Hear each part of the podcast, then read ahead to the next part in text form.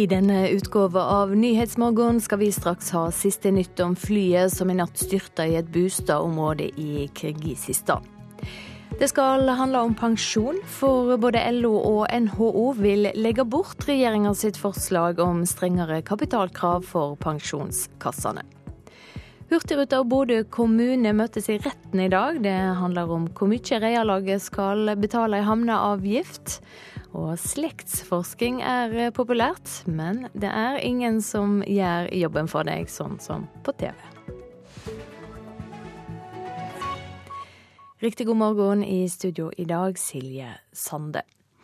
Først til det tyrkiske transportflyet som har styrta i et boligområde under innflyging til flyplassen utenfor hovedstaden i Kirgisistan, Bishkek. Minst 32 mennesker er drepne, og korrespondent Morten Jentoft, du er med oss fra Moskva. Hva vet du mer om det som har skjedd? Det vi vet, det er at det er altså et uh, transportfly fra Turkish Airlines uh, av typen Boeing 747-400 som styrtet i uh, landsbyen Dacia Zoo, som ligger ca. 1,5-2 km fra der hvor rullebanen starter på Manas-flyplassen utenfor Bishkek. Det har altså ikke nådd fram til rullebanen og styrtet inn i denne landsbyen. Der skal ifølge kirgisiske myndigheter minst 43 eh, hus være ødelagt. Eh, til nå er 32 mennesker bekreftet uh, omkommet. Mange av disse var barn som var i ferd med å stå opp eller fremdeles ikke var våken. Klokken var jo bare halv åtte lokal tid om morgenen da dette flyet styrtet. Det oppsto branner i forbindelse med flystyrten, og disse brannene skal nå være slukket. Men myndighetene i Kirgisistan frykter at dødstallene kan komme til å stige noe ut ifra disse 32 som nå er bekreftet om omkommet. Og blant de 32 er også mannskapet på fire om bord på flyet. Vet vi noe om årsaker til eh, denne flyulykka? Det som eh, blir sagt, er at det skal ha vært eh, tett tråke i eh, Bishkek i forbindelse med eh, denne ulykken. Eh, og at det kan være årsaken til at eh, flyet rett og slett har kommet for lavt inn da i forbindelse med innflygningen. Men noe mer om årsaken det er det for tidlig å si noe om. Takk så langt, korrespondent Morten Jentoft i Moskva. Så skal vi høre at overgripere bestiller barn og forgriper seg på fra egne kataloger på det mørke nettet. Det skriver VG i dag. Mellom annet blir hundrevis av barn helt ned i fireårsalderen tilbudne i kataloger fra Asia. Politiet i Bergen bekrefter overfor VG at de har funnet slike kataloger i forbindelse med Operasjon Dark Room. Saken der en rekke personer er siktet for å ha oppsøkt og delt overgrepsmateriale på det mørke nettet. Unicefs sjef i Filippinene er også kjent med fenomenet. Det er en svensk mann bosatt i Asia som forteller om katalogene til de svenske avisene Aftonbladet og Svenska Dagbladet. De har den siste uken avdekket 72 svenske menn som laster ned overgrepsmateriale.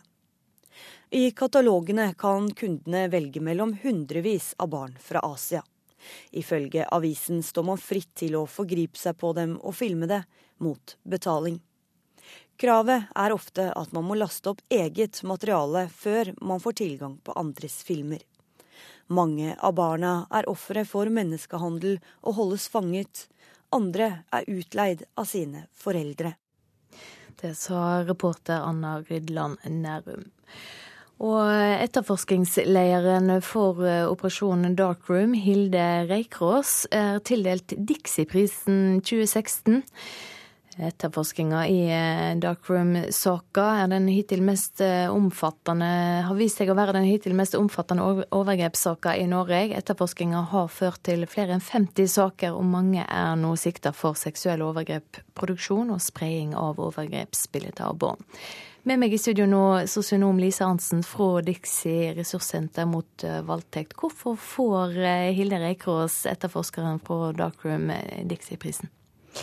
Altså, Hilde er jo et eksempel på en, eh, en, fagperson som har gjort en kjempeviktig innsats i dette arbeidet. Det er alvorlige saker. Det spenner seg over hele landet, og også nå som vi ser med, med nedlasterne internasjonalt. Eh, og hun fulgte magefølelsen sin da hun fikk en sak på bordet. Eh, og det er så viktig å løfte fram de som eh, bidrar til å gjøre en forskjell i dette feltet. Hvordan det, Hva rolle har Rekros spilt i, i opprullinga?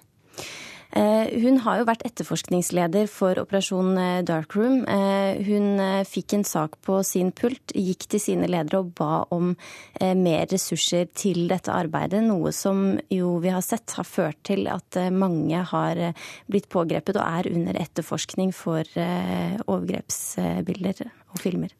Hvordan reagerte du sjøl da vi først fikk høre om Dark Room i fjor? Det er jo dessverre ikke sjokkerende for oss som jobber i dette feltet at det skjer, men det er jo så viktig eh, at man eh, gjør noe med det. Eh, for hver gang noen laster opp eller sprer et, et sånt bilde eller en sånn film, så er det et nytt overgrep mot et barn. Og det får så innmari store konsekvenser for de som blir utsatt. Hvorfor mener det i Dixie at Darkroom er viktig i arbeidet med å forebygge voldtekter og andre seksuelle overgrep her i landet? Det sender jo et eh, viktig signal til de som har dårlige intensjoner ute på internett, eh, at du slipper ikke nødvendigvis unna. Eh, og gjennom å, å straffeforfølge de som gjør dette, så kan man også forebygge nye overgrep. Hvordan håper du at denne prisen kan inspirere? Vi håper jo at den inspirerer andre også til å engasjere seg i dette feltet, og til å fortsette eh, mye av det arbeidet som pågår. Det er viktig at politiet prioriterer disse sakene høyt, og at vi eh, styrker arbeidet i framtiden. Ja, Vi hører i dag at overgripere rett og slett kan bestille unger i egne kataloger, eh, og at slike kataloger også er funnet i samband med nettopp Operasjon Darkroom. Hva tenker du om det? Nei, eh, det er jo for mange av oss ganske uforståelig at noen kan sitte på internett og, og gjøre dette bare med noen tastetrykk og noen få kroner. Eh, men dette er en realitet som vi er nødt til å forholde oss til. Og internett har blitt en ny arena for eh, overgripere som, som er viktig at vi tar fatt i. Takk for at du kom hit til oss i Nyhetsmorgen, Lisa Arntzen. Og denne prisen skal deles ut 24. januar, altså til Hilde Reikås. Så skal vi ta en kikk på dagens aviser. Sykehus bryter lova, skriver VG. Rapporter om blodforgiftning ved elleve sykehus avslører at de ikke behandler raskt nok. Nesten ingen sykehus sikrer alle pasientene rask nok behandling, ifølge rapporter fra fylkeslegene. Fra i morgen blir det 1500 kroner i gebyr for å bruke dieselbil i Oslo. Det betyr at nesten halvparten av bilene i byen må stå pga. høy lufturening. Kollektivselskapet Ruter sier til Aftenposten at folk må regne seg god tid. Sentralbanksjef Øystein Olsen blir refsa for uklare mål og for krass kritikk internt for dårlig budsjettplanlegging, skriver Dagens Næringsliv. Dette er ikke ei pølsebod, sier BI-professor Torgeir Reve, som mener kritikken er alvorlig. Dagsavisen skriver om vårt iskalde, usolidariske Europa, som lover å ta imot 160 000 flyktninger fra Italia og Hellas, men som ender opp med 10 000 halvannet år etter at EU avgjorde at flyktningene som var stranda i sør, skulle få reise videre opp i Europa, sitter titusener av mennesker fanga i iskalde, fuktige teltleirer. Boksing skal hjelpe voldsdømte 18-åring, skriver Bergens Tidende. Ungdommen er dømt for grove ran, vold og skadeverk. Likevel slapp han fengselsstraff, og nå er boksetreneren hyra inn av barnevernet for å få livet til 18-åringen på rett kjøl igjen. Dagbladet forteller hvordan mentale verktøy kan gjøre det lettere å leve med kroniske smerter, til dømes diabetes 2, revmatisme, hjerte- og karsykdommer, lungesykdom og kreft. Du kan ikke tenke deg frisk, men du kan tenke deg sterk og verdig, mener psykologer. Det lønner seg å starte seint i jobb, skriver Klassekampen. Arbeidsfolk taper titusener på tidlig jobbstart. Akademikere får 60 000 kroner mer i pensjon enn fagarbeidere, sjøl om de tjener like mye og jobber like lenge. Vårt Land skriver om flerkoneri. Nære 1700 menn i Norge som har vært innom ei muslimsk datingside, sier de godtar, eller kanskje kan godta polygami. Ifølge en forsker er det mote i små muslimske ungdomsmiljø å syne ei positiv holdning til flerkoneri. Så skal vi ha sport. Ole Einar Bjørndalen tar med seg hele familien og treningstraileren på høgdesamling før VM. NRKs eh, skiskytterekspert mener veteranen sitt høydeprosjekt er helt nødsynt for eh, nok et mesterskap eh, for Bjørndal. Norske bleier, det funker. I smørbussen i Ropholding viser Ole Einar Bjørndalen hva bleier som er best. Som nybakt pappa for Senja er hverdagen endra. Også kona Darja Domratsjeva satser mot VM i februar. Derfor tar Bjørndalen med seg hele familien på høgdetrening før mesterskapen. Vi kommer til å kjøre samme opplegg fram mot VM, så hun å kjøre høyde også. For etter søndagens skuffende 34.-plass på jaktstarten trenger 43-åringen å spisse formen. Ja, akkurat nå så er jo status eh, fryktelig dårlig, men uh, hadde du spurt for løpet, så hadde det vært bra. Så det, på de to timene så skal jeg ikke endre så mye. så ganske trygg på at det skal bli bra mot VM. NRKs skiskytterekspert Halvard Hanevold hyller veteranens høydeprosjekt.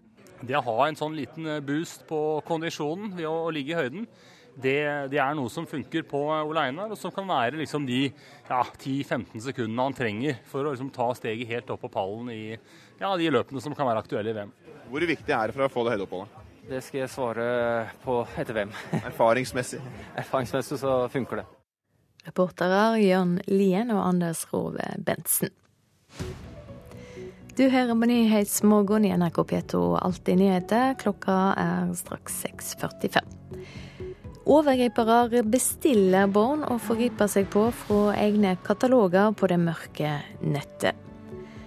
Et tyrkisk transportfly har styrta i et boligområde under innflyging til flyplassen utenfor hovedstaden i Kirgisistan, Bishkek. Og dieselbileiere, mange av dem i hvert fall, er frustrerte over kjøreforbudet i Oslo i morgen.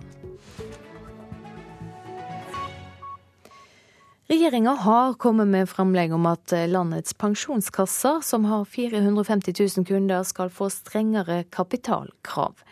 Det betyr at eh, pensjonskassene må ta mindre risiko, noe som normalt betyr lavere avkastning på, avkastning på medlemmene sine penger. Men det vil både gi mindre pensjon til pensjonistene og øke bedriftene sine utgifter uten grunn, mener NHO og LO. Nestleder i LO, Tor Arne Solbakken, er en av mange som avviser framlegget. Nei, Vi ser egentlig ingen fordeler ved dette forslaget. Forslaget, slik det er eh, foreslått, det vil verken gi bedre pensjon eller styrke bedriftene på noen måte. Det vil tappe bedriftene for penger, fordi dette må finansieres opp på en måte som består av at du må skyte mer kapital inn fra bedriftene. Det er ikke riktig bruk av bedriftenes penger. Målet med strengere kapitalkrav for landets 88 pensjonskasser er å trygge pensjonene til 320 milliarder kroner. Men store organisasjoner avviser regjeringens forslag. De mener det vil ramme både pensjonistene og bedriftene. Pensjonistene fordi de får mindre pensjon, og bedriftene fordi de må betale mer inn for den samme pensjonen som i dag. Nei, Høringen er ikke bortkasta, den er veldig viktig, for det er eneste måten å få stoppa dette på. Men, eh, men forslaget kunne de spart seg og sendt ut. Nestleder Tor Arne Solbakken i LO er en av mange aktører som avviser forslaget. Egentlig kan dette sammenlignes med å gi en kraftig medisinering til en eh, frisk person. Det er ingen problemer som eh, skal løses. Det er ingen erfaringer som tilsier at eh, vi behøver å innføre disse reglene. Og Det de oppnår her, er egentlig at alle taper på det. Både de som drifter og eier disse kassene, de som har rettigheter der. Det blir rett og slett mindre pensjon for pengene, og det er vi sterkt imot. Det er 88 pensjonskasser som forvalter 320 milliarder pensjonskroner ved siste opptelling. Regjeringens forslag betyr at pensjonskassene må eie færre aksjer enn i dag, noe som gjør verdiutviklingen dårligere. Det sier LOs nestleder Tor Arne Solbakken. Jo, fordi at man eh, blir her forhindra fra f.eks. For å plassere en del av disse pengene i langsiktige aksjer og få en høyere avkastning enn det du får på eh, obligasjoner. Så dette er å låse pengene, istedenfor at pengene kan brukes og kapitalen brukes eh, eh, som å jobbe og ta inn inntekter der og gjøre kassene mer solide, sikre pensjonene til medlemmene, så blir det død kapital. Oljefondet gjør det motsatte.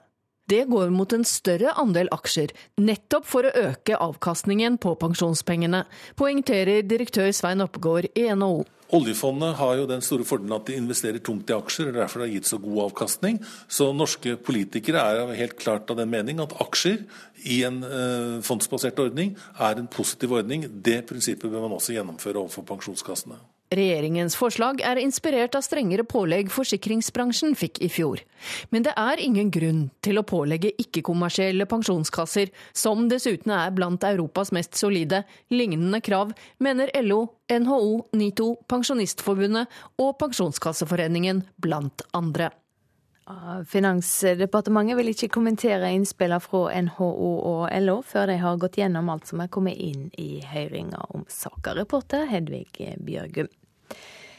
Om en dryg time er det klart for eh, Politisk kvarter med deg, Cato Husabø Fossen. Hva blir temaet i dag? I Politisk kvarter får vi besøk av stortingsrepresentanten fra Høyre, som i helga skulda Sp-leder Trygve Slagsvold Vedum for å være både uverdig, kynisk, respektløs og manipulerende. Hos oss møtes de ansikt til ansikt, og Vedum får òg svare på påstandene om at han er Norges eh, Trump.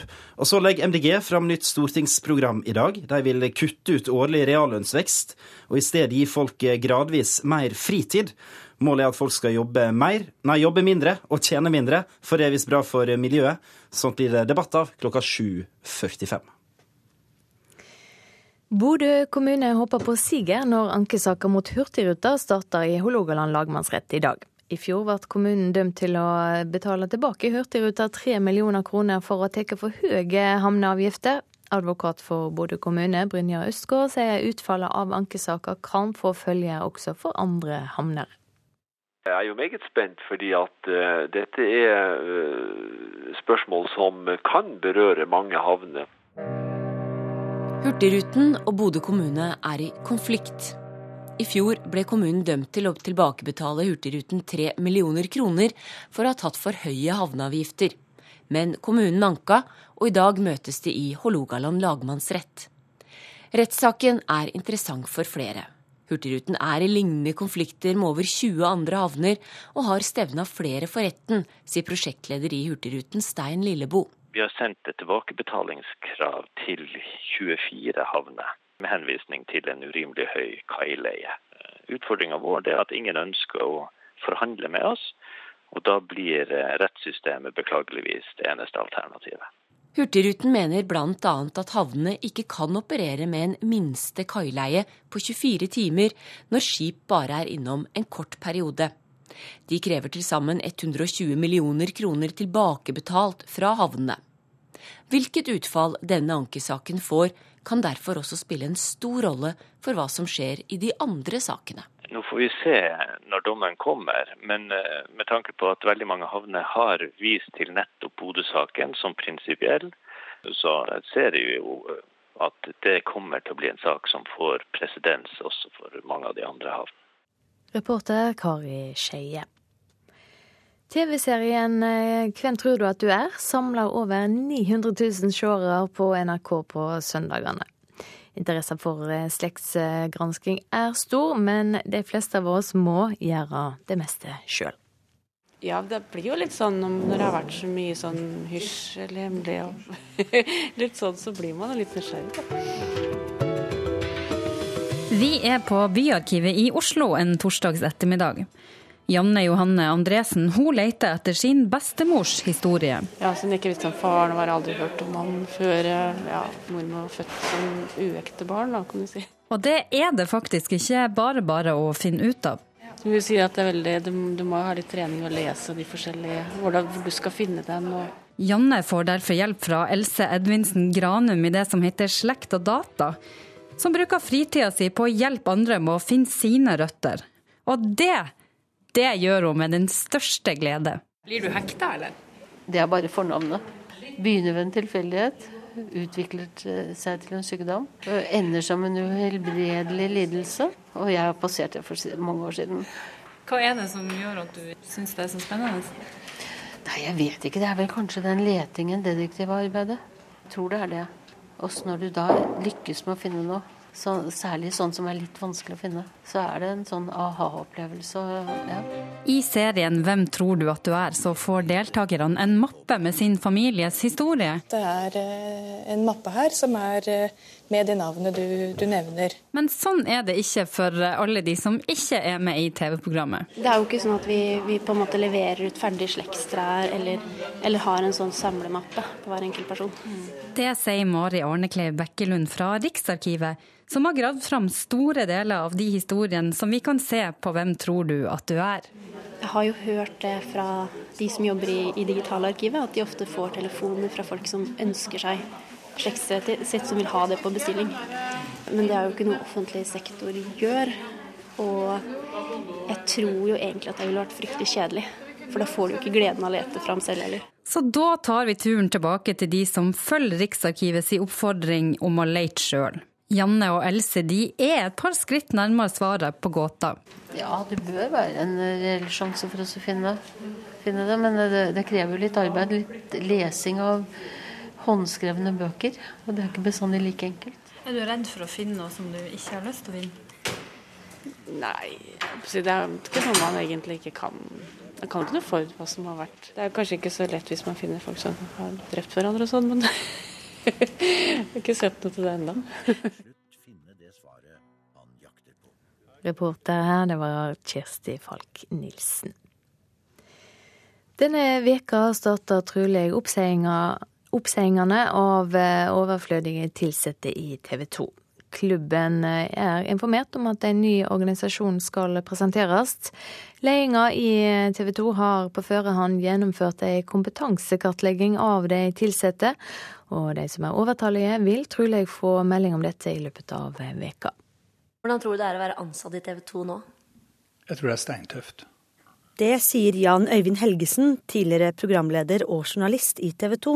Ifølge Dagens Næringsliv kan TV 2 gå med et 100 millioners underskudd, og denne uken starter trolig oppsigelsene av flere ansatte. Det er harde tider i kanalen, men slik har det ikke alltid vært. På vegne av dronningen og meg selv erklærer jeg herved TV 2 for åpnet.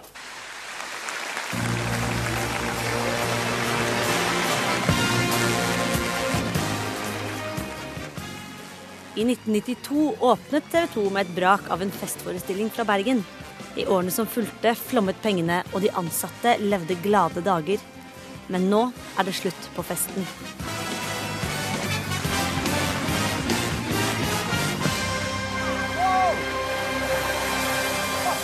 Jeg tror det er ålreit for de som vet at de er innplassert og vet at de fortsetter jobbene sine. Jeg tror det er uh, helt nerveødeleggende for de som ikke har fått beskjed, og de som ikke vet. I den siste tiden har TV 2-ledelsen gjennomført en kompetansekartlegging av de ansatte. De som sitter igjen til slutt, får trolig ikke tilbud om jobb videre. Men ifølge kommentator i Dagens Næringsliv Eva Grinde er det ikke så mange andre måter å gjøre det på når man skal gjennom en stor nedbemanning.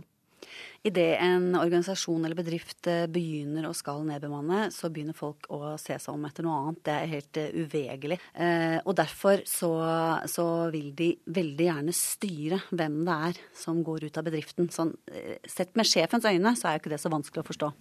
Men kan det likevel være problematisk med en slik eh, kompetansekartlegging? Ja, det kan det. Fordi det kan veldig lett få preg av å være skinnprosesser. Og man kan jo også si hvem er det som har ansvaret for at de ansatte, de som har vært ansatt i mange år, har rett kompetanse? Jo, det er jo sjefene.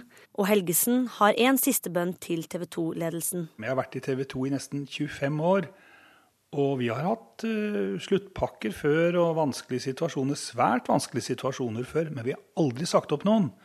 Og jeg må si at innerst inne så er det mitt håp til den ledelsen vi har nå. Hold hodet kaldt, hold hjertet varmt. Ikke si opp folk. Det er siste utvei. TV 2 skriver i en e-post til NRK at ingen vil bli sagt opp på det nåværende tidspunkt, men at de som ikke har fått plass i den nye organisasjonen, kommer til å få tilbud om eh, sluttavtale. Reporter Mari Sand Malm. Så skal vi ha et værvarsel. Spitsbergen sørlig sterk kuling utpå dagen opp i full storm. Snø, senere sludd eller regn. I kveld sørvestlig liten kuling og snøbyger. Finnmark nordvestlig frisk bris, enkelte snøbyger på kysten. I ettermiddag øker til sørvest stiv kuling utsatte steder. Om kvelden sterk kuling. Opphold, men i kveld litt sludd på kysten i vest. Nordland og Troms sørvest bris, økende til stiv kuling på kysten. Til dels fint vær, men spredde snøbyger i Troms. I ettermiddag sørvestlig sterk kuling, og i kveld sludd og snø, regn nær kysten. Møre og Romsdal og Trøndelag sørlig bris, utover dagen liten kuling utsatte steder. Om kvelden sørvest sterk kuling på kysten. Stort sett fint vær, men etter hvert tilskyende, og i kveld litt snø på kysten, sludd og regn. Vestlandet sør for Stad østlig frisk bris og fint vær. I ettermiddag sørøstlig liten kuling på kysten. I kveld sørlig sterk kuling i Sogn og Fjordane. Liten storm nær Stad. Litt snø på kysten, sludd eller regn, men opphold i Rogaland. Fjellet i Sør-Norge skiftende bris, for det meste fint vær. I kveld sørvestlig liten kuling og litt snø i nordlige strøk. Sør- og Østlandet, der blir det nordlig, senere skiftende bris og for det meste fint vær. Så har vi temperaturene vi har fått inn fra klokka fire. Svalbard lufthavn minus fem, Vardø pluss to, Alta minus fire, Tromsø Langnes null, Bodø minus fire, Brønnøysund minus to, Trondheim-Værnes pluss én, Stavanger minus fem, Kristiansand-Kjevik minus ti, Gardermoen og Lillehammer minus ni, Oslo-Blindern minus åtte grader.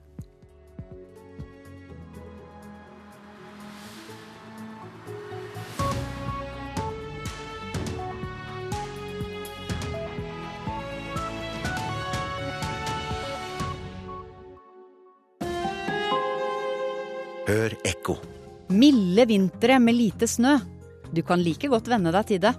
Men hva skal vi gjøre i stedet, når vi ikke kan gå på ski i marka? Ta fram joggesko, rulleski og skøyter. Det er den nye vinteren. Kanskje kan skinasjonen Norge, selve vinterlandet, leve godt uten mye snø? Ekko 9 11 i NRK P2. Fattige ungdommer drikker mer enn andre ungdommer, viser forskning. Mange har mistet livet etter at et fly styrtet i Kirgisistan. Her er NRK Dagsnytt klokken er sju. Ungdom i lavere sosiale lag drikker mer enn annen ungdom. Det viser forskning fra Folkehelseinstituttet. De har spurt 18 000 ungdommer om alkoholvaner, og funnet ut at ungdom med foreldre med lav utdanning drikker mer og blir full tidligere enn ungdom ellers. Det forteller forsker Hilde Pape ved Folkehelseinstituttet. Det var store klasseforskjeller i tenåringsdrikking. Ungdommer fra lavere sosiale lag drakk tidligere, oftere og vesentlig mer. Og så fant vi videre at dette antagelig hadde å gjøre med forskjeller i dragelsesstil. At foreldre i lavere sosiale lag i mindre grad var støttende, grensesettende og fulgte opp ungene sine. I noe mindre grad. At de hadde slappere grenser i forhold til tenåringenes bruk av alkohol. At de var mer aksepterende for tenåringsdrikking. Og sist, men kanskje ikke minst, at de selv drakk seg i større grad beruset foran sine egne tenåringsbarn. Det er klasseforskjeller i tenåringsdrikking, og det er klasseforskjeller i foreldredrikking, og det er klasseforskjeller i oppdragelsesstil.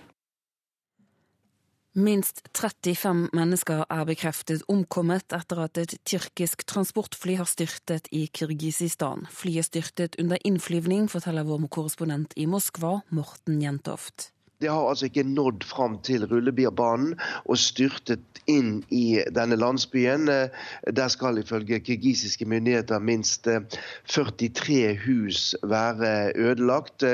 Det skal ha vært tett tåke i Bishkek. Det kan være årsaken til at flyet rett og slett har kommet for lavt inn da, i forbindelse med innflygningen. Overgripere bestiller barn og forgriper seg på fra kataloger på det mørke nettet, skriver VG. Politiet i Bergen bekrefter at de har funnet slike kataloger i forbindelse med operasjonen Dark Room, der en rekke personer er siktet for å ha oppsøkt og delt overgrepsmateriale. Blant annet blir hundrevis av barn ned i fireårsalderen tilbudt i kataloger fra Asia. USAs påtroppende president Donald Trump sier at han skal tilby Russland å avslutte sanksjonene mot landet, i bytte mot en avtale om nedrustning av atomvåpen. I et intervju med den amerikanske avisen The Times forklarer Trump at han ønsker en betydelig reduksjon i atomvåpen. Uttalelsene går på tvers av tidligere uttalelser, der Trump har tatt til orde for at USA utvider atomkapasiteten. NRK Dagsnytt, Turi Grønbæk. Mannen som denne veka blir president i USA, har letta litt mer på sløret om hva utenrikspolitikk han har tenkt å føre. Her i Nyhetsmorgen skal vi straks høre mer om hva han har sagt. Og det blir også litt om hva rolle den nye førstedama i USA kommer til å få. Her hjemme viser forskning at unge fra lavere sosiale lag drikker mer og oftere enn andre.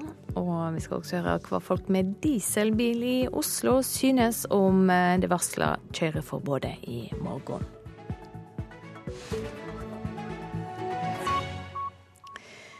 Ja, USAs kommende president Donald Trump vil ha en grundig nedrustningsavtale med Russland. Samtidig vil han lette straffetiltakene mot russerne. Dette kommer fram i et eh, fellesintervju som eh, britiske The Times og tyske Bilt har gjort med han.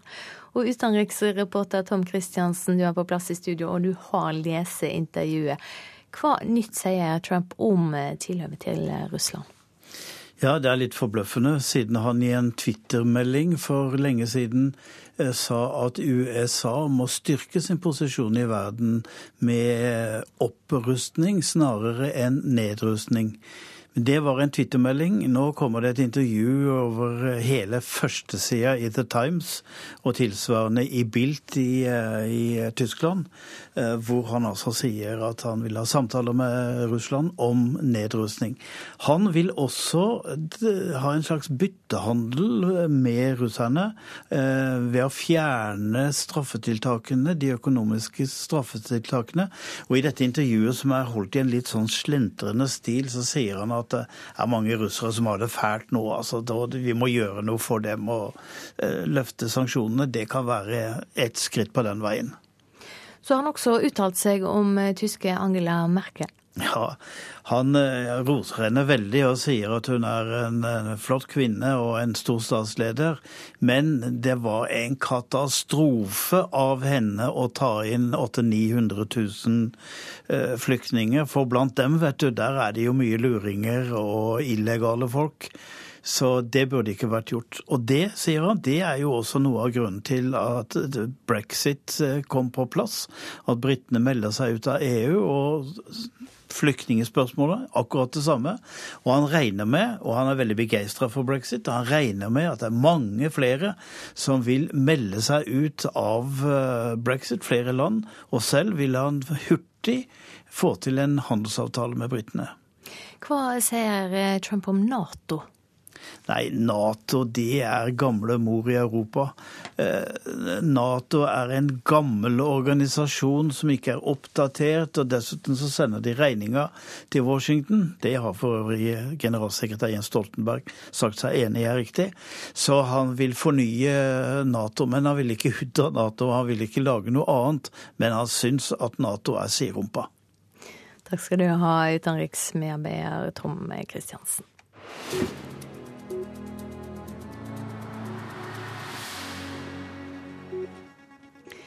Her hjemme er det store klasseforskjeller når det gjelder drikking hos eh, tenåringer. Unge i lavere sosiale lag starter å drikke tidligere. De drikker oftere og vesentlig mer enn andre, ifølge forskning fra Folkehelseinstituttet. Og forskerne tror forskjellene kan ha å gjøre med forskjeller i måten foreldre oppdrar barna sine på. Studien bygger på ei spørreundersøking der 18 000 unge er eh, blitt spurt. Eh, det tror jeg var 15. Eh, jeg tror jeg var sånn 15 år. Jeg tror det var, var 16-17 år. 15? Ja, det var vel ja, i 10. klasse en gang, tipper jeg. Elever på Greveskogen videregående skole i Tønsberg forteller når de drakk alkohol første gang. Tønsberg er en av 16 kommuner hvor 18 000 elever har svart på en undersøkelse fra Folkehelseinstituttet om ungdom og alkohol. I aldersgruppen 13 14 år hadde 35% med foreldre med lav utdanning drukket alkohol siste år, mot 23% blant 13-14-åringer ellers. Vi fant at det var store klasseforskjeller i tenåringsdrikking. Sier forsker Hilde Pape ved Folkehelseinstituttet. Ungdommer fra lavere sosiale lag drakk tidligere, oftere og vesentlig mer. 17,5 av ungdom med foreldre med lav utdanning svarte at de hadde vært full det siste år av de som var 13-14 år, mot 10% blant 13-14-åringer ellers. Dette antagelig hadde å gjøre med forskjeller i oppdragelsesstil at foreldre i lavere sosiale lag i mindre grad var støttende, grensesettende og fulgte opp ungene sine i noe mindre grad. Eh, at de hadde slappere grenser i forhold til tenåringenes bruk av alkohol. Eh, at de var mer aksepterende for tenåringsdrikking. Og sist, men kanskje ikke minst, at de selv drakk seg i større grad beruset foran sine egne tenåringsbarn. Elever fra 13 til 18 år har blitt spurt fra 82 skoler i 16 kommuner. En tidligere undersøkelse har vist at det er ungdom fra høyere sosiale lag som drikker mest, men dette gjelder bare Oslo-ungdom. Her er ingen store byer med. Vi er mye mer lik hverandre i eh, inntekt og utdanning enn veldig mange andre land, men det er store forskjeller i Norge også. Det, de resultatene som denne studien har kommet fram til, den tydeliggjør jo på en måte akkurat det at det er klasseforskjeller i tenåringsdrikking, og det er klasseforskjeller i foreldredrikking, og det er klasseforskjeller i oppdragelsesstil. Det er klart det er urovekkende. Sier professor i sosiologi Willy Pedersen. For det er en lang tradisjon som viser at eh, både fattigdom og sosiale problemer går i arv, sosial arv mellom generasjonene. Så det at denne gruppen her sånn uh, fester seg såpass tidlig i et uh, problematisk forhold til alkohol, som jo er et kolossalt problem, altså ofte undervurdert i forhold til bruken av narkotika, det er urovekkende. Han sier det er viktig å jobbe jobbe nettopp med denne foreldregruppen. Vi har i Norge tenkt på oss som en eh, velferdsstat, hvor vi har tatt hånd om eh, alle grupper, og at vi her nok aner eh, noen problemer i den lille gruppa som ikke får del i utdanning, som ikke får del i har trygge jobber osv. På Greveskogen videregående i Tønsberg, en av kommunene hvor elever er med i undersøkelsen.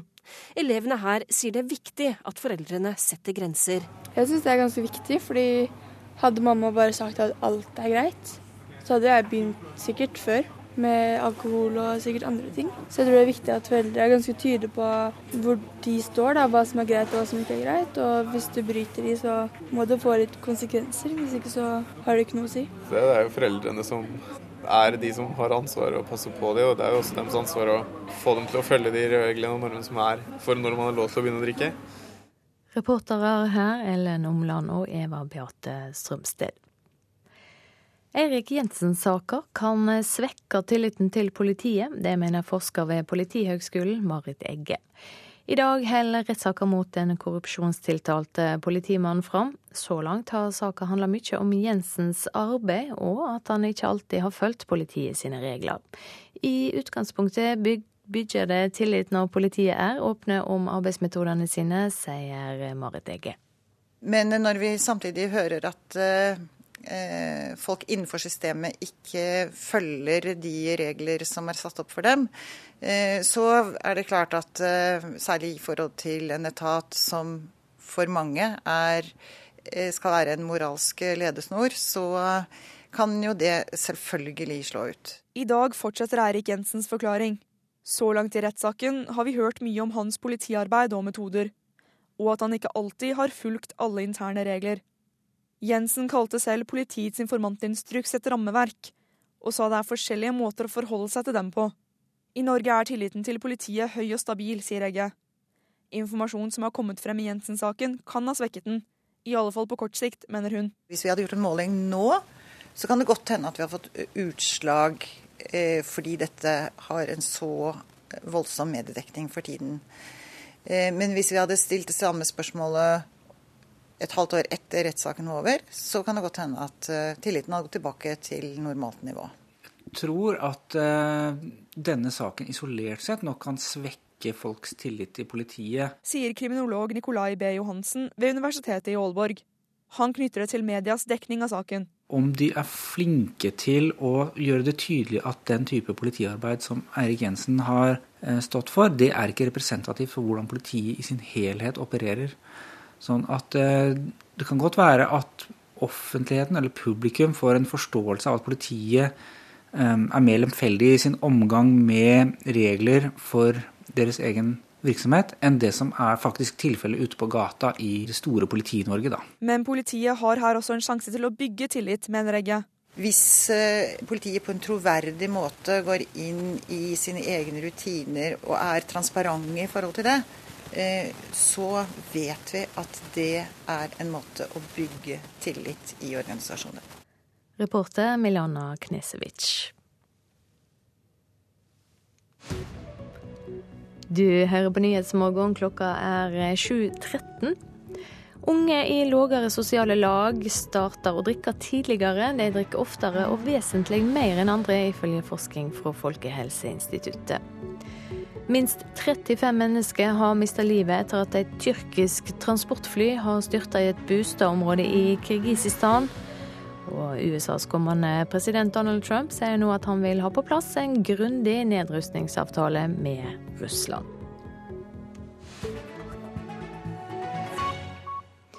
Men først nå.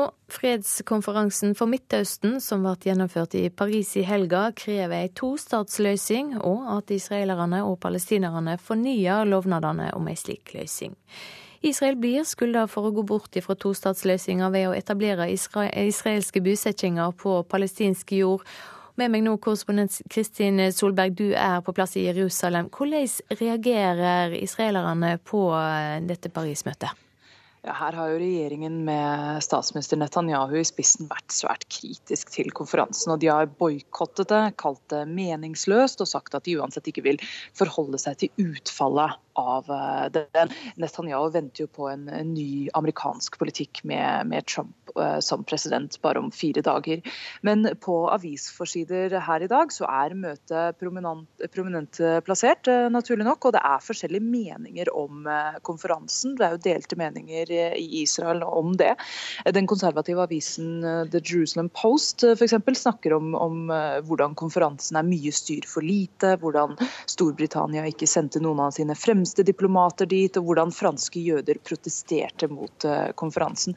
Mens i den liberale avisen Haaretz så, så, kritiserer de på lederplass hvordan Netanyahu har boikottet møtet, og kaller det en meningsløs boikott. Hva med palestinsk side, har de tro på at møtet kan føre til handling? Ja, Palestinske selvstyremyndigheter har jo ønsket utfallet av møtet velkommen. Ehm, og For palestinske myndigheter så handler dette om å få så mye internasjonal støtte for en egen palestinsk stat som mulig. og Det er spesielt viktig for dem eh, før Trump blir eh, president. De ser jo med bekymring på, eh, på, det. Men når det er sagt, så er denne konferansen det er ikke noe som, som mange palestinere har gått rundt og, og holdt, si, holdt pusten over. Det er egentlig få her som tror at det kommer til å endre noe særlig på, på bakken. For den situasjonen den, eh, den oppleves som, som, svært håpløs, og med en tostatsløsning som bare blir fjernere og fjernere. Ja, vi går over til deg, eh, korrespondent eh, Philip Lote. Du fulgte dette møtet i Paris. Hvor tungt veier dette vedtaket fra møtet om ei tostatsløsning?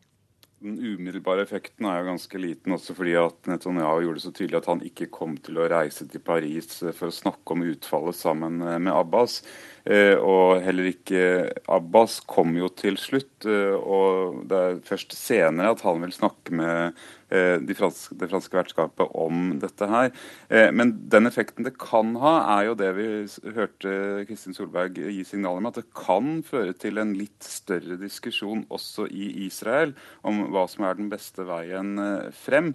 Og noe av motivasjonen for møtet var å bygge opp kontakt i det sivile samfunn, altså kontakt mellom mennesker og frivillige organisasjoner i de palestinske områdene og Israel, for å gi tostatsløsningen ny oppmerksomhet, sånn at den ikke kun omtales som noe som tilhører fortiden og noe som er helt uh, håpløst. Det har vært et mål for konferansen. og Så spørs det om de lykkes, og så spørs det hvordan Trump kommer til å ordlegge seg, hva han kommer til å gjøre, og hvor raskt han kommer til uh, å gjøre de, de, tingene som da møtet i går advarte sterkt imot. og Det er jo å ta ensidige skritt fra Israels side. De, de snakker jo om begge parter, men de, det møtes uh, tekst var jo da først og fremst uh, blir i praksis rettet mot Israel, mot at, ikke, at, USA ikke flytter sin ambassade fra Tel Aviv til Jerusalem. At det ikke gjøres noe med grenser, bosetninger, uh, som kan uh, påvirke en endelig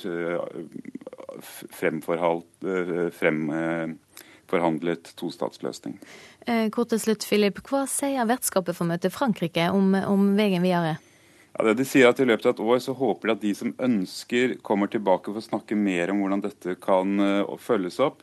Uh, nå skal også Frankrike få en uh, ny president etter hvert, så også her så bærer jo dette litt preg av et politisk lederskap som ønsker å sette spor. Så får man se hvordan de som da skal styre Frankrike videre, følger opp dette.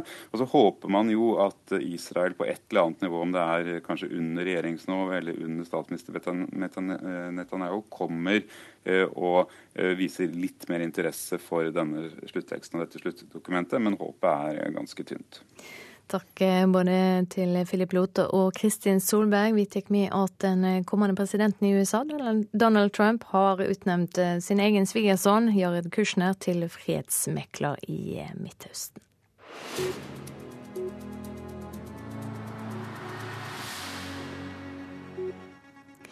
Ja, det skal fremdeles handle om eh, Trump-familien, for uh, før denne veka om får USA en ny førstedame, Melania Trump. Hva rolle og betydning hun vil få, det vet vi ikke helt ennå.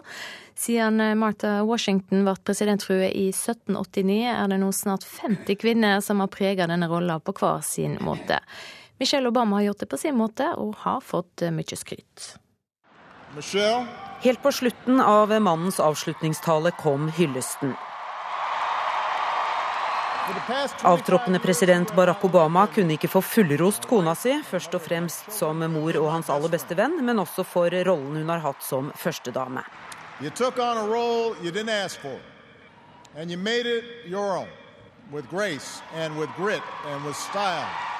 Du fikk en rolle du ikke hadde bedt om, sier Obama, og gjorde den til din egen med eleganse, stil og humor. For Michelle har vært populær, kanskje den mest populære førstedamen noensinne. Michelle kom etter Laura Bush. Laura var en type som holdt seg i bakgrunnen, leste bøker, var kone og mor, kort sagt fulgte den uskrevne regelen om verken å synes eller høres noe særlig. Men i valgkampen 2004 gjorde hun et unntak for å gi et mykere bilde av mannen sin enn den tradisjonelle cowboykarikaturen som verserte. You can count on him, especially in a crisis. His friends don't change, and neither do his values. Og Laura var, og har vært, inntil Michelle nå trolig har danket henne ut, USAs mest populære førstedame. Hillary Clinton derimot var i begynnelsen en av de minst populære. Hun både syntes og hørtes, og under valgkampen i 1992 sa hun at hun som menn ikke kom til å sitte stille og bare være kona til mannen sin. I'm not sitting here as some little woman standing by my man like Tammy Wynette. I'm sitting here because I love him and I respect him And you know, if that's not enough for people, then heck, don't vote for him. Ikke vil hun være hjemmebakende kone heller. I suppose I could have stayed home and baked cookies and had teas, but I, what I decided to do was to fulfill my profession, which I entered before my husband was in public life. Og nå er det Melanias tur. Hun er Donald Trumps tredje kone, smykkedesigner og tidligere fotomodell. Og hun er innvandrer fra Slovenia, så om det var språket hun var usikker på, eller sine egne talegaver, vet ikke jeg. Hun tydde i alle fall til sin forgjenger Michelle da hun for første gang holdt tale på republikanernes landsmøte.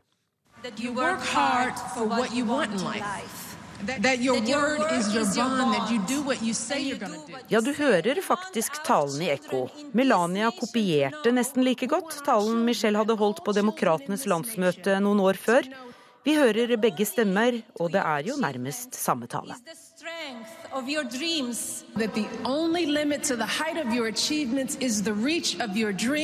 And your willingness to work for them. And your willingness to work hard for them. Reporter her Kari Ørstavik.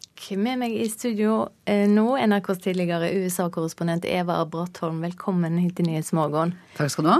Vi hørte til slutt hvordan påtroppende førstedame Melania Trump nærmest kopierte talen til Michelle Obama. Det er jo litt spesielt? Ja da, det er det. Men man må jo huske at det er et lite knippe med floskler som skal inn i en sånn tale. Så det er ikke så veldig mange måter å gjøre det på. Men de var jo kanskje stokket litt i samme rekkefølge. Det som var veldig spesielt, var at hun brukte uttrykket 'your word is your bond'. Og det er et spesielt uttrykk som stammer fra det svarte hiphop-miljøet, som Michelle hadde valgt som en hilsen til nettopp denne gruppen. Og, og det var vel ikke det som lå nærmest for for Melania å gjøre. I dette innslaget så har vi hørt litt om de tre siste førstedamene. Hvem andre har utmerka seg i denne posisjonen? Uh, Jacqueline Kennedy uh, og Eleanor Roosevelt og Abigail Adams, som var den andre førstedamen. Eh, eh, så det har vært mange som har utmerket seg. Og så hadde du Nancy Reagan, som var en spesiell type. Og de siste årene har det jo fått en, en har det liksom vært en skikken at de har valgt seg én spesiell sak som de har frontet. Laura Bush var jo for lesing og biblioteker, hun var utdannet bibliotekar. Og Michelle har jo nå frontet sunn livsstil og trening har vært hennes. Hun laget jo grønnsakhager hage i Det hvite hus. Så de, har, de siste årene har de valgt spesielle saker. Før det så var det mer veldedighetsdamer som var med på å bygge barnehjem, altså som gjorde gode og viktige ting for samfunnet. Ja, har jeg fått lov å, å ta litt mer plass? Ja, har fått mye større plass. Altså Hele familien har fått mer plass. Og det startet med Jacqueline, John F. Kennedy og Jacqueline. Da ble det bilder av barna, og hun fikk spille en fremtredende rolle. Hennes klær og hele det familielivet ble da noe som ble delt. Det har selvfølgelig med medieutviklingen også å gjøre. Det var jo tiden for de store fotobladene. Da kom Life-magasin, altså store fargebildene. Så da kunne man dele mer av, av presidentfamiliens liv. Men ikke alle presidentene har vært gifte. Hva skjedde da? Nei, Da har det vært eh, nieser som har vært førstedamer, det har vært søstre, det har vært mange varianter av dette. Eh, og F.eks. James Buchanan, som var eh, president rett før borgerkrigen, vanskelig periode. Han var enslig, og ingen syntes det var rart at han hadde da en politisk venn boende hos seg. For det var jo hyggelig for han å ha litt selskap i dette store huset. Men, men ettertiden har det sagt at han sannsynligvis var homofil. Men det var jo ingen som snakket om det den gangen. Så USA kan ha hatt sin første homofile president? Ja, det, mange, veldig mange mener det. Mm. Før denne veka omme så vil USAs førstedame hete Melania. Hvordan vil hun utøve rolla si, tror du? Hun vil sikkert finne sin helt spesielle måte å gjøre det på. Eh, I første omgang så vil hun jo ikke flytte inn i Det hvite hus. Hun vil være i New York og fullføre skolegangen for sønnen sin. Eh, men hun kommer sikkert til å finne en vei, hun også. Og, og da vil vi synes det er en naturlig måte å, å, gjøre det på. Hun har jo sagt at hun skal fronte altså, eh, nettmobbing, altså dårlig oppførsel på nett. Og, og det er jo en viktig sak. Så det vil hun sikkert uh, engasjere seg i. Det blir spennende å følge med på. Ja. Takk for at du kom hit til Nyhetsmorgen, Eva Brattholm. Vi skal ta en kikk på dagens aviser. Sykehus bryter lova, skriver VG. Rapporter om blodforgiftning ved elleve sykehus avslører at nesten ingen av dem behandler raskt nok. Det ifølge rapporter fra fylkeslegene. Sentralbanksjef Øystein Olsen blir refsa for uklare mål og får krass kritikk internt for dårlig budsjettplanlegging, skriver Dagens Næringsliv. Dette er ikke ei pølsebu, sier BI-professor Torgeir Reve, som mener kritikken er alvorlig. Dagsavisen skriver om vårt iskalde, usolidariske Europa, som lover å ta imot 160 000 flyktninger fra Italia og Hellas, men som ender opp med 10 000. Boksing skal hjelpe voldsdømt 18-åring, forteller Bergens Tidende.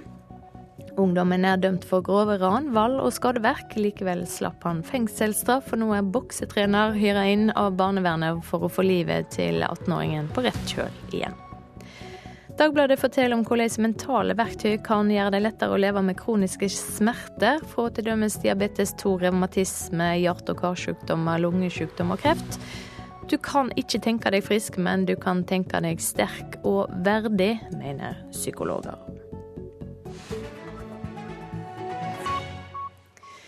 Så til Oslo. Der har byrådet vedtatt et mellombels kjøreforbud for dieselbiler i morgen. Forskerne er spent på utslaget av dieselfri by, men eh, mange dieselbilister de fnys av ordninga. Jeg er ikke noe glad for det. For hva skal vi gjøre som skal på jobb, og som trenger bilen til jobb? I går kom meldinga, og i morgen skjer det. Kjøreforbud for dieselbiler fra tirsdag klokka seks. Folk får tid til å områ seg, men han liker det ikke, dieselbileieren vi traff i går kveld. Jeg tenker jeg må ta bussen. Jeg må dra en halvtime tidligere. Plunder i hverdagen? Ja, veldig mye plunder. Plunder eller ikke, Norsk institutt for luftforskning, NILU, er overtydd om at dieselforbudet vil ha en effekt akkurat disse to dagene. Men nå skal beregninger proves, sier kommunikasjonssjef Kristine Solbakken. Beregningene NILU har gjort eh, tidligere, viser at å forby dieselkjøretøy er det som har den absolutt største effekten på NO2-nivåene i lufta. Men vi har jo aldri prøvd det reelt. Så vi er eh, veldig spent på hvordan det blir. Og vi vet jo heller ikke hvor mange som vil overholde um, forbudet. Vil eh, utsette grupper som astmatikere virkelig kjenne forskjellen på en by med og uten dieselbiler? Oi, nå går vi inn i et helsespørsmål, så det skal jeg ikke si på sikkert. Men det vi, har, eh, det vi hører fra Folkehelseinstituttet og andre som er eh, hva skal man si, større autoritet på dette her, er at det vil ha en god effekt for dem. Oslo Handelsstandsforening støtter tiltaket for bedre luft i hovedstaden, selv om det kan bli litt færre kunder i sentrumsbutikkene disse to dagene. Men næringspolitisk direktør Jon Anders Henriksen forventer å få se målingene av de dieselfrie dagene.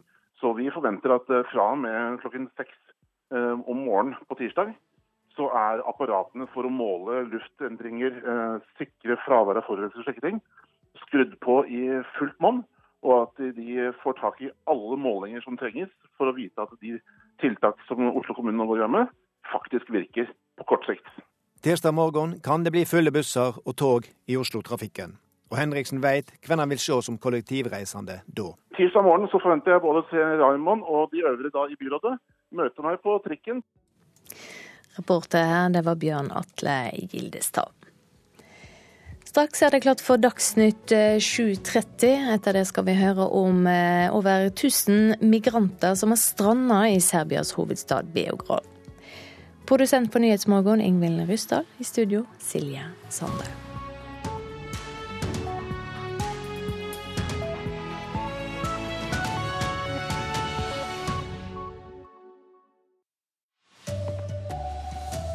Det er store klasseskiller innen alkoholbruk. Ungdom i lavere sosiale lag drikker mer enn andre. Donald Trump vil avslutte sanksjonene mot Russland i bytte mot atomnedrustning. Og dieselbileiere er frustrert over kjøreforbudet i Oslo i morgen. Her er NRK Dagsnytt klokken er 7.30. Ungdom i lavere sosiale lag drikker altså mer alkohol enn ungdom ellers. Det viser forskning fra Folkehelseinstituttet. En spørreundersøkelse blant 18 000 ungdommer viser at ungdom med foreldre med lav utdanning blir full tidligere enn andre. Det tror jeg var 15. Sånn 15 år? Jeg tror det var, var 16-17 år. 15? Elever på Greveskogen videregående skole i Tønsberg forteller når de drakk alkohol første gang. Tønsberg er en av 16 kommuner hvor 18 000 elever har svart på en undersøkelse fra Folkehelseinstituttet om ungdom og alkohol. I aldersgruppen 13 14 år hadde 35% med foreldre med lav utdanning drukket alkohol siste år mot 23% blant 13-14-åringer ellers. Vi fant at det var store klasseforskjeller i tenåringsdrikking. Sier forsker Hilde Pape ved Folkehelseinstituttet. Ungdommer fra lavere sosiale lag drakk tidligere, oftere og vesentlig mer. 17,5% av ungdom med foreldre med lav utdanning svarte at de hadde vært full det siste år av de som var 13-14 år, mot 10% blant 13-14-åringer ellers. Dette antagelig hadde å gjøre med forskjeller i oppdragelsesstil. At foreldre i lavere sosiale lag i mindre grad var støttende, grensesettende og fulgte opp ungene sine. At de var mer aksepterende for tenåringsdrikking. At de selv drakk seg i større grad beruset foran sine egne tenåringsbarn. Det er klart det er urovekkende. Sier professor i sosiologi Willy Pedersen. Vi her nok aner eh, noen problemer i den lille gruppa som ikke får del i utdanning, som ikke får del i eh, har trygge jobber osv. Det er klasseforskjeller i tenåringsdrikking, og det er klasseforskjeller i foreldredrikking, og det er klasseforskjeller i oppdragelsesstil. Reportere her var Al Omland og Eva Beate Strømsted.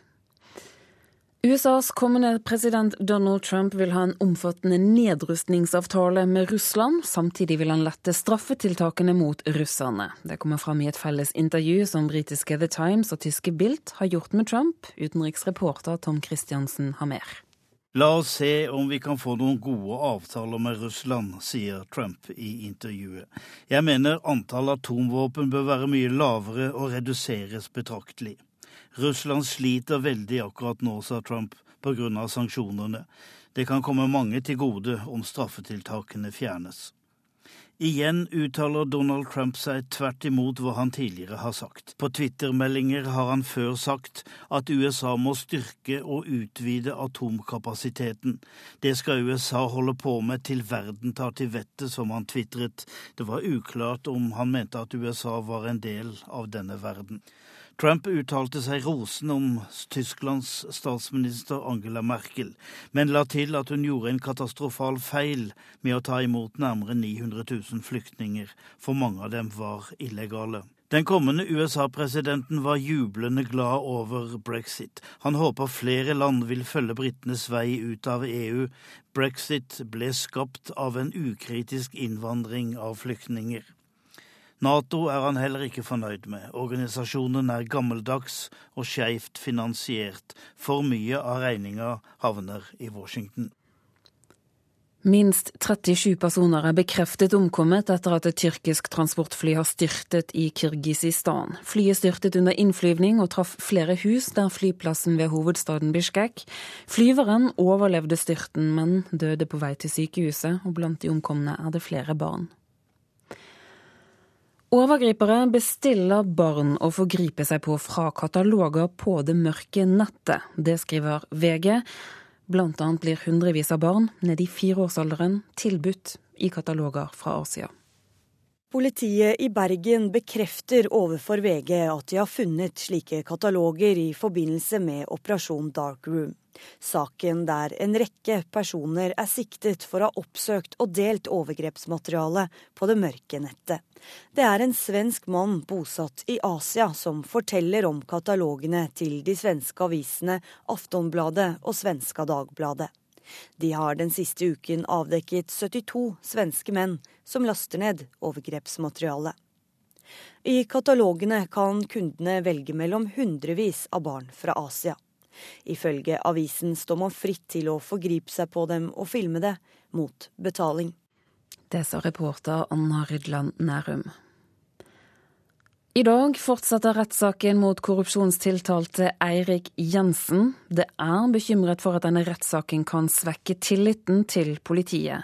Så langt har saken handlet mye om Jensens arbeid og det at han ikke alltid har fulgt politiets regler. I utgangspunktet bygger det tillit å ha åpenhet rundt politiets arbeid. Det sier Marit Egge, som er forsker ved Politihøgskolen. Men når vi samtidig hører at eh, folk innenfor systemet ikke følger de regler som er satt opp for dem, eh, så er det klart at eh, særlig i forhold til en etat som for mange er, eh, skal være en moralsk ledesnor, så kan jo det selvfølgelig slå ut. I dag fortsetter Eirik Jensens forklaring.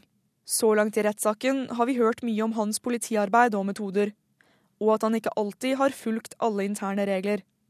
Jensen kalte selv politiets informantinstruks et rammeverk, og sa det er forskjellige måter å forholde seg til dem på.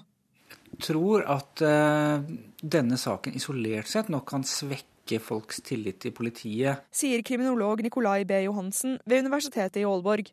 Han knytter det til medias dekning av saken. Om de er flinke til å gjøre det tydelig at den type politiarbeid som Eirik Jensen har eh, stått for, det er ikke representativt for hvordan politiet i sin helhet opererer. Sånn at eh, det kan godt være at offentligheten eller publikum får en forståelse av at politiet eh, er mer lemfeldig i sin omgang med regler for deres egen virksomhet, enn det som er faktisk tilfellet ute på gata i det store Politi-Norge, da. Reporter var Milana Knesevic. Regjeringen får krass kritikk for forslaget om strengere regler for pensjonskassene. Strengere kapitalkrav kommer til å gi mindre pensjon til pensjonistene og øke bedriftenes utgifter helt uten grunn. Det mener både NHO og LO. Direktør i NHO, Svein Oppegård, sier forslaget ikke gir mening. Nei, Vi ser egentlig ingen fordeler ved dette forslaget. Forslaget, slik det er eh, foreslått, det vil verken gi bedre pensjon eller styrke bedriftene på noen måte. Det vil tappe bedriftene for penger, fordi dette må finansieres opp på en måte som består av at du må skyte mer kapital inn fra bedriftene. Det vil svekke bedriftenes grunnlag for å drive virksomheten sin, fordi de får en svekket egenkapitalbase. Det er ikke riktig bruk av bedriftenes penger. Og Finansdepartementet sier de skal gå gjennom alle høringsuttalelsene i saken, og derfor kan de ikke kommentere innspillet nå. I Oslo har byrådet vedtatt midlertidig kjøreforbud for dieselbiler. Forskere er spent på utslaget av dieselfri by, men dieselbilistene selv, de fnyser. Jeg er ikke noe glad for det. For hva skal vi gjøre som skal på jobb, og som trenger bilen til jobb? I går kom meldinga, og i morgen skjer det. Kjøreforbud for dieselbiler fra tirsdag klokka seks. Folk får tid til å områ seg, men han liker det ikke, dieselbileieren vi traff i går kveld. Jeg tenker jeg må ta bussen. Jeg må dra en halvtime tidligere. Plunder i hverdagen? Ja, veldig mye plunder. Plunder eller ikke, Norsk institutt for luftforskning, NILU, er overtydd om at dieselforbudet vil ha en effekt akkurat disse to dagene. Men nå skal beregninger proves, sier kommunikasjonssjef Kristine Solbakken. Beregningene NILU har gjort eh, tidligere, viser at å forby dieselkjøretøy er det som har den absolutt største effekten på NO2-nivåene i lufta. Men vi har jo aldri prøvd det reelt. Så vi er eh, veldig spent på hvordan det blir. Oslo Handelsstandsforening støtter tiltaket for bedre luft i hovedstaden, selv om det kan bli litt færre kunder i sentrumsbutikkene disse to dagene. Men næringspolitisk direktør Jon Anders Henriksen vil gjerne se målingene av de dieselfrie dagene. Så vi forventer at eh, fra og med klokken seks eh, om morgenen på tirsdag, så er apparatene for å måle luftendringer, eh, sikre fravær av forurensende slekketing, skrudd på i fullt monn og at de får tak i alle målinger som trenges for å vite at de tiltak som Oslo kommune nå går med, faktisk virker på kort sikt. Tirsdag morgen kan det bli fulle busser og tog i Oslo-trafikken. Og Henriksen veit hvem han vil se som kollektivreisende da. Tirsdag morgen så forventer jeg både se Raymond og de øvrige da i byrådet møte meg på trikken. Reporter var Bjørn Atle Gildestad. Ansvarlig for NRK Dagsnytt er Jean Erik Bjørnskau. Her i studio, Turi Grønbekk.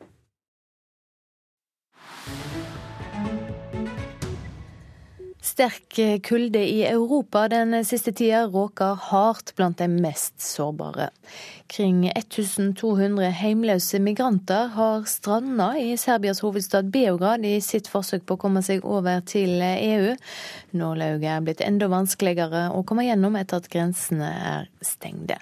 Migrantene bor i ødelagte og tomme bygninger, og de brenner søppel for å holde varmen. All people is sick. 32 år gamle Davud Ahmadzai fra Afghanistan står i nedslitte sko og med et grått ullteppe rundt seg.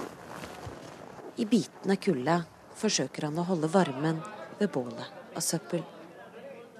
I Afghanistan kjørte han bulldoser og bygde veier, forteller han. Men her i Serbia har veien stoppet. Han kom til Europa fordi han ønsket å søke asyl i et EU-land. Men istedenfor har han blitt en av de godt over 1000 migrantene som sitter fast på terskelen til EU etter at grensene stengte. Nå bor han i en forlatt og nedlagt verkstedhall i Beograd, der både tak og vegger er delvis ødelagte, sammen med flere hundre unge, enslige menn i samme situasjon. Every day go to police station for police paper, for go to camp. But police every day tell me come tomorrow, come tomorrow. Asylum center is always full. Men det at asylmottakene er fulle, er bare tull, mener migrasjonskommissariatet i Serbia. Det som tilsvarer UDI i Norge. Even if every single person from the park and from the barracks decide that they want to be accommodated, we could provide additional capacities in six hours. Sier talsmann Ivan Miskovic. Han mener det er en helt annen grunn til at migrantene ikke registrerer seg som asylsøkere. They don't want to start the asylum procedure. They are afraid of deportation, which is completely a groundless fear. They prefer to stay in the city center because it's easier for them to wait smugglers. And also, uh, they think that if they start the asylum procedure, if they are registered here, it will be a problem for them when they manage to continue their journey, which is completely groundless again because Serbia is not part of this Dublin system with, with fingerprints and everything. Myndighetenes versjon av situasjonen og migrantenes versjon av situasjonen kunne ikke ha spriket mer. Men ingen av dem har rett, mener Momsilo Djurdjevic, som jobber som lege for Leger uten grenser. En oppfattelse han deler med flere av de humanitære organisasjonene. Well, the truth is always somewhere in the middle. We have a couple of problems that are uh, coexisting. The one is uh, they sometimes get the camp they don't want to go to. Uh, administratively, it goes sometimes very slow. Uh, some the the camps uh, are uh, some very full, and the last problem sometimes it lacks free will of the refugee to actually seek asylum. Men uansett årsak til at ting har blitt som de har blitt, med kuldebølgen har situasjonen for migrantene som bor slik, blitt prekær. So in past five days, we have treated uh, 10 frostbites, more than 10, uh, with two severe frostbites documented. Og vinteren er langt fra over ennå. Ja, det var vår eh, korrespondent eh, Guri Nordstrøm som rapporterte fra Serbia. Du hører på Nyhetsmorgen. Klokka er 7.44 straks. Hovedsaker hos oss i dag. Overgripere bestiller barn og forgriper seg på fra egne kataloger på det mørke nettet. Minst 35 mennesker har mista livet etter at et tyrkisk transportfly har styrta i et boligområde i Kirgisistan. USAs kommende president Donald Trump sier han vil ha på plass en grundig nedrustningsavtale med Russland. Og her hjemme starter unge i lågere sosiale lag og drikker tidligere. De drikker oftere og vesentlig mer enn andre, ifølge forskning fra Folkehelseinstituttet. Erik Jensen-saker kan svekke tilliten til politiet, det mener forsker ved Politihøgskolen Marit Egge. Og Bodø kommune håper på revansj når ankesaker mot Hurtigruta starter i dag. Om de taper, kan flere havnekommuner måtte tilbakebetale millionbeløp til Hurtigruten. Nå blir det Politisk kvarter med programleder Cato Husabø Fossen.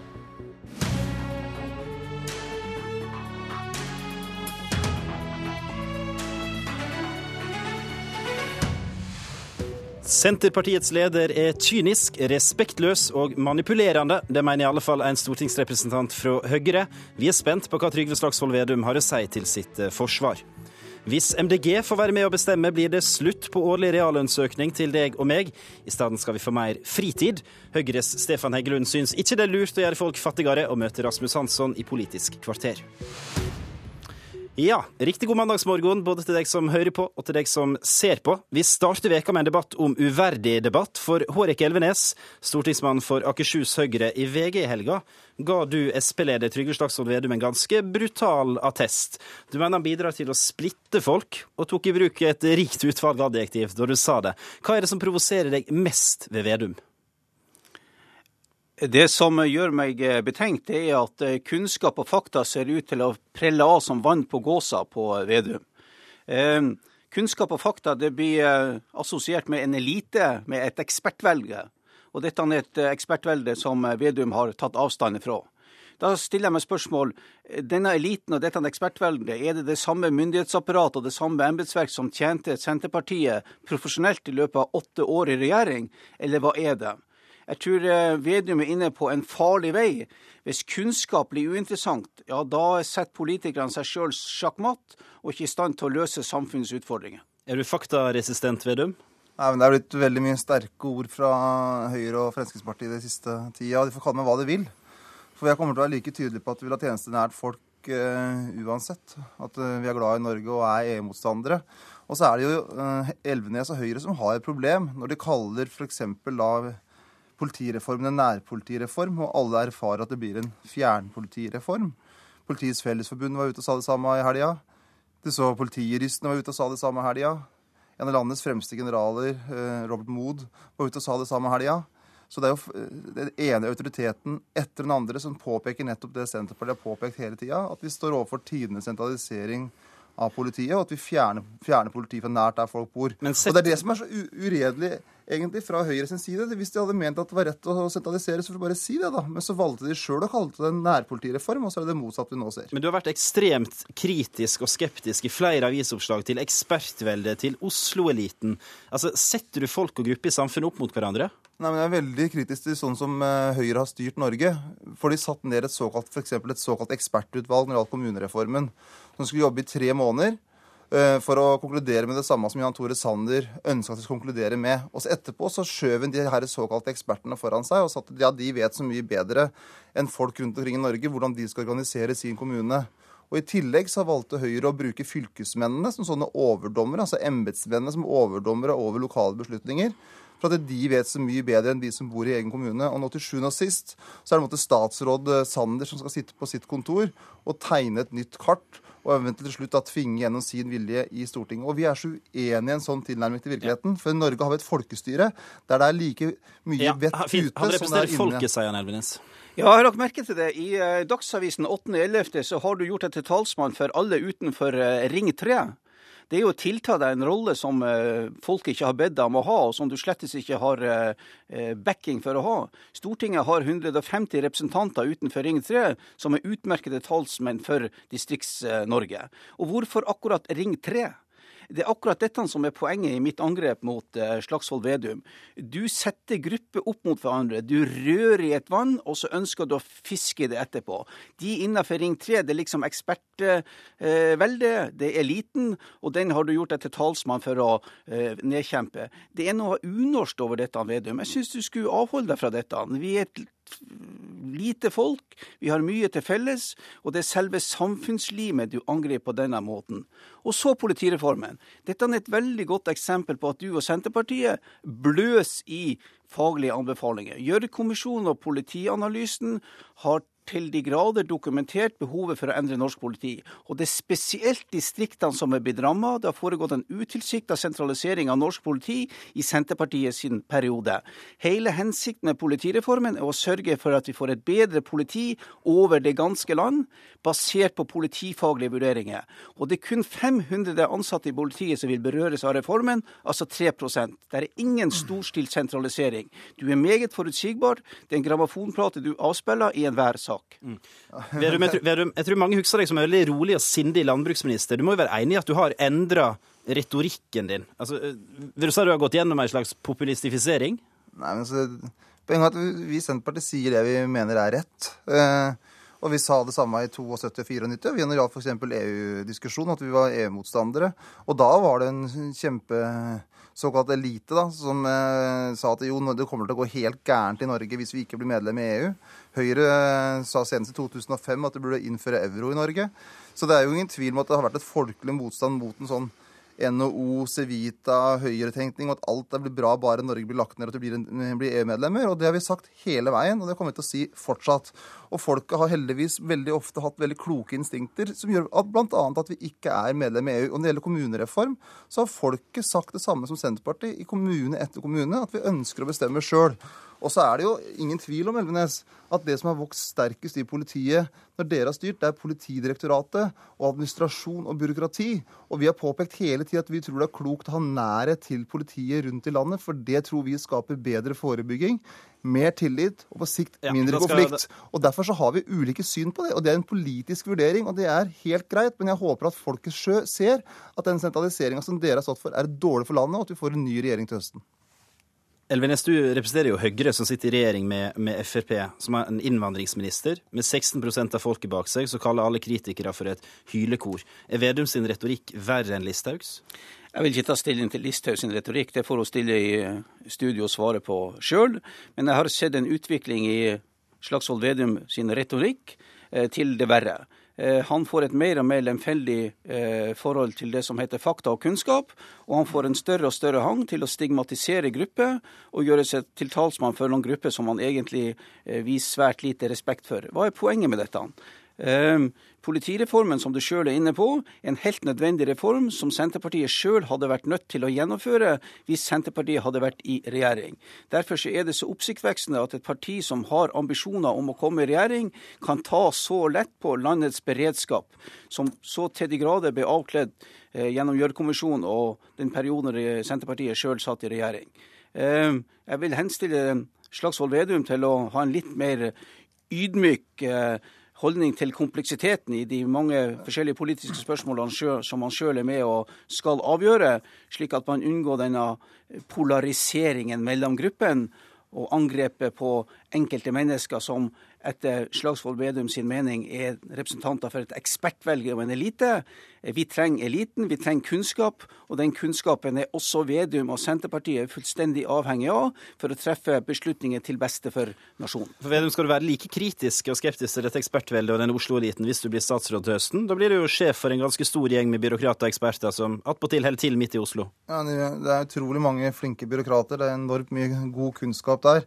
Men det som vi er så uenig i, er Høyres måte å bruke makta si på, når de har sagt at de, de kalte kommunereformen en lokaldemokratireform, men til sjuende og sist så har de trua med tvang og brukt alle mulige skitne triks i boka når de har kalt politireformen en nærpolitireform, og alle ser at det er sentralisering. Man må være ærlig og åpen om hvilken politikk man faktisk fører. Og vi er helt uenig i det Høyre har gjort, om at man har gitt mer makt til embetsmenn, som f.eks. at det er politidirektøren som nå skal legge ned lensmannskontor. og det er fylkesmenn som skal legge ned kontorer. Sånn veldig kort, ja eller nei. Blir du lei deg når folk kaller deg Trump? Eller lille Trump? Norges svar på Trump? nei, jeg har et altfor godt liv til å bekymre meg for det. det så Høyre og Frp får drive på med det de har lyst til. Da setter vi strek, mine herrer. Takk til Hårek Elvenes og Trygve Slagsvold Slagsvold Vedum. Vi skal skifte tema.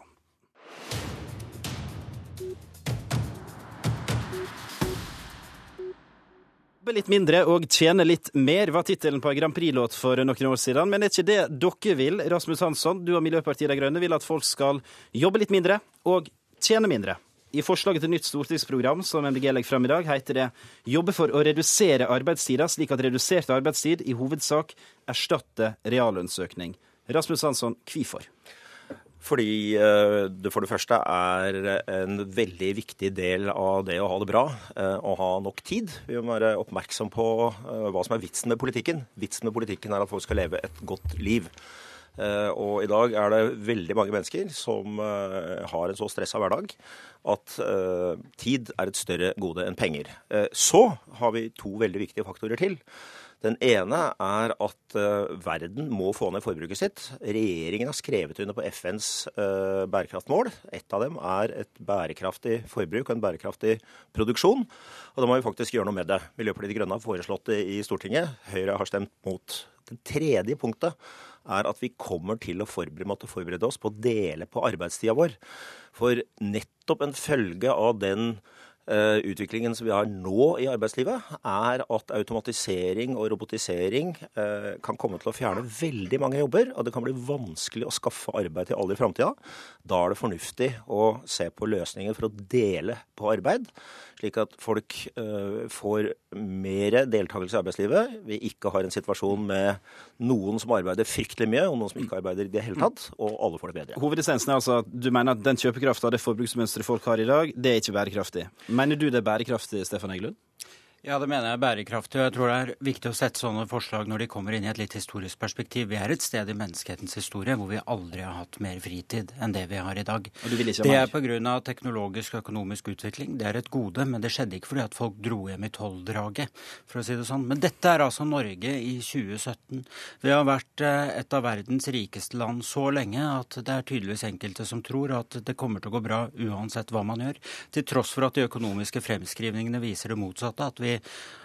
antageligvis må være flere som står i arbeid, og vi må stå lenger i arbeid enn det vi gjør i dag for at vi skal kunne ha en bærekraftig velferdsstat i fremtiden. Og la meg si, for dette er en sånn typisk debatt hvor MDG kan sitte og høres ut som idealistiske visjonære, og så er jeg han derre reaksjonære tullingen fra Høyre som forholder meg til virkeligheten.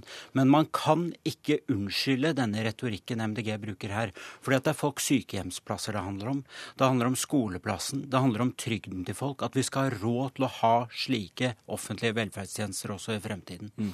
For Hansson, altså, Dette vil jo ha samme effekt for statsfinansene som skattekutt. Mindre skatteinntekter så vil dere jo fra før stenge oljekranene. Hvem, hvem, er det som skal betale for velferdsstaten? Ja, det er fint med litt selvinnsikt fra Høyre eh, på morgenkvisten. Eh, og når det gjelder oljekranene, så kommer jo de til å bli stengt uansett. Så ja, ok, Men, som... men drit i det nå, da. Hvem skal betale? Jeg vil, ikke, det, jeg vil ikke gjøre det, programleder. Men jeg vil minne om at det Miljøpartiet De Grønne gjør, er å forsøke å forberede oss på en framtid som er den framtida vi får, og ikke den framtida som Høyre og andre partier innbiller folk at vi kommer til å få. Eh, når FN har eh, vedtatt et bærekraftsmål om å få forbruket over på et bærekraftig nivå, så er det selvfølgelig fordi vi ikke har det i dag. Eh, og når EU e tar opp problemet med robotisering og automatisering som noe som kommer til å fjerne så mange jobber at det blir et demokratisk problem, så er det fordi at det er en realitet. Da er det fornuftig å forberede seg på det. Og da må man fordele de jobbene som finnes på flere folk. Og det å se mm. for seg et samfunn hvor vi aktivt deler på arbeid, det er også å se for seg et samfunn hvor vi trygger demokratiet og hindrer et lagdelt samfunn hvor noen har masse arbeid, og noen ikke har det i det hele tatt. Det er farlig for demokratiet og framtida vår. Eh, og spørsmålet er ikke lediggang. Spørsmålet er å dele på godene, dele på oppgavene. Og til slutt så må vi huske at veldig mye vettugt arbeid for samfunnet, inklusive omsorgsarbeidet, som Stefan Heggelund helt riktig påpeker, kan også gjøres av folk utenfor arbeidslivet. Du er farlig for demokratiet, Heggelund. ja, Dele på oppgavene, det gjør vi i dag. Det kalles arbeidsmarkedet, Rasmus Hansson. Men et spørsmål, altså for at det, hvor mange ganger kan et politisk forslag bryte økonomiske tyngdelommer? Altså Det finnes jo ikke den oljekran eller den oljetønne som er stor nok for å finansiere forslaget til Miljøpartiet De Grønne. Og det er det som er så trist. fordi at når man kommer med politiske forslag, så må man også forholde seg til virkeligheten, ellers så går det galt. Men det er flere tyngdelover som dette forslaget bryter fullstendig. Hvis folk jobber mindre, da blir det underskudd på arbeidskraft. Hva er det som skjer i arbeidsmarkedet når det er underskudd på arbeidskraft, Rasmus Hansson? Jo, da blir folk tilbudt høyere lønn. Men det skal jo ikke være mulig, det med forslaget til Rasmus Hansson. For det skal jo ikke være noe reallønnsvekst i det hele tatt. Nei, for det er jo så det, poenget. Man skal tjene mindre. Ja, og i dette forslaget det, henger derfor, sammen. Og Derfor så koster jo ikke dette forslaget de pengene som uh, Stefan Heggelund drømmer at, om at det koster. Men, forslaget, forslaget, er altså at folk skal jeg ta, forslaget. Jeg lurer på én ting til slutt. Altså, sånn, men jeg lurer på en ting til slutt. For dere vil, det vet vi. Vil, dere vil at folk skal tjene mindre. Samtidig er det mange forslag i programmet som går på å gjøre produkter folk kjøper, dyrere. Ønsker folk seg dårligere kjøpekraft? Svar kort på det. Forslagene går ikke ut på å gjøre produktene dyrere, det går ut på å gjøre produktene bedre. Og det er bedre for folk å kjøpe et produkt som varer en stund, enn å kjøpe tre dårlige produkter på den samme tida. Det er økonomisk lønnsomt, selv om det ene produktet du kjøper som varer lenge, koster litt mer. Dette er et forslag som sikkert høres fint ut hvis man bor i en liten koie ute i Nordmarka. Ja, okay. Takk til Rasmus Hansson og Stefan Egrun, programleder ved Cato Fossen. Dette var Politisk kvarter.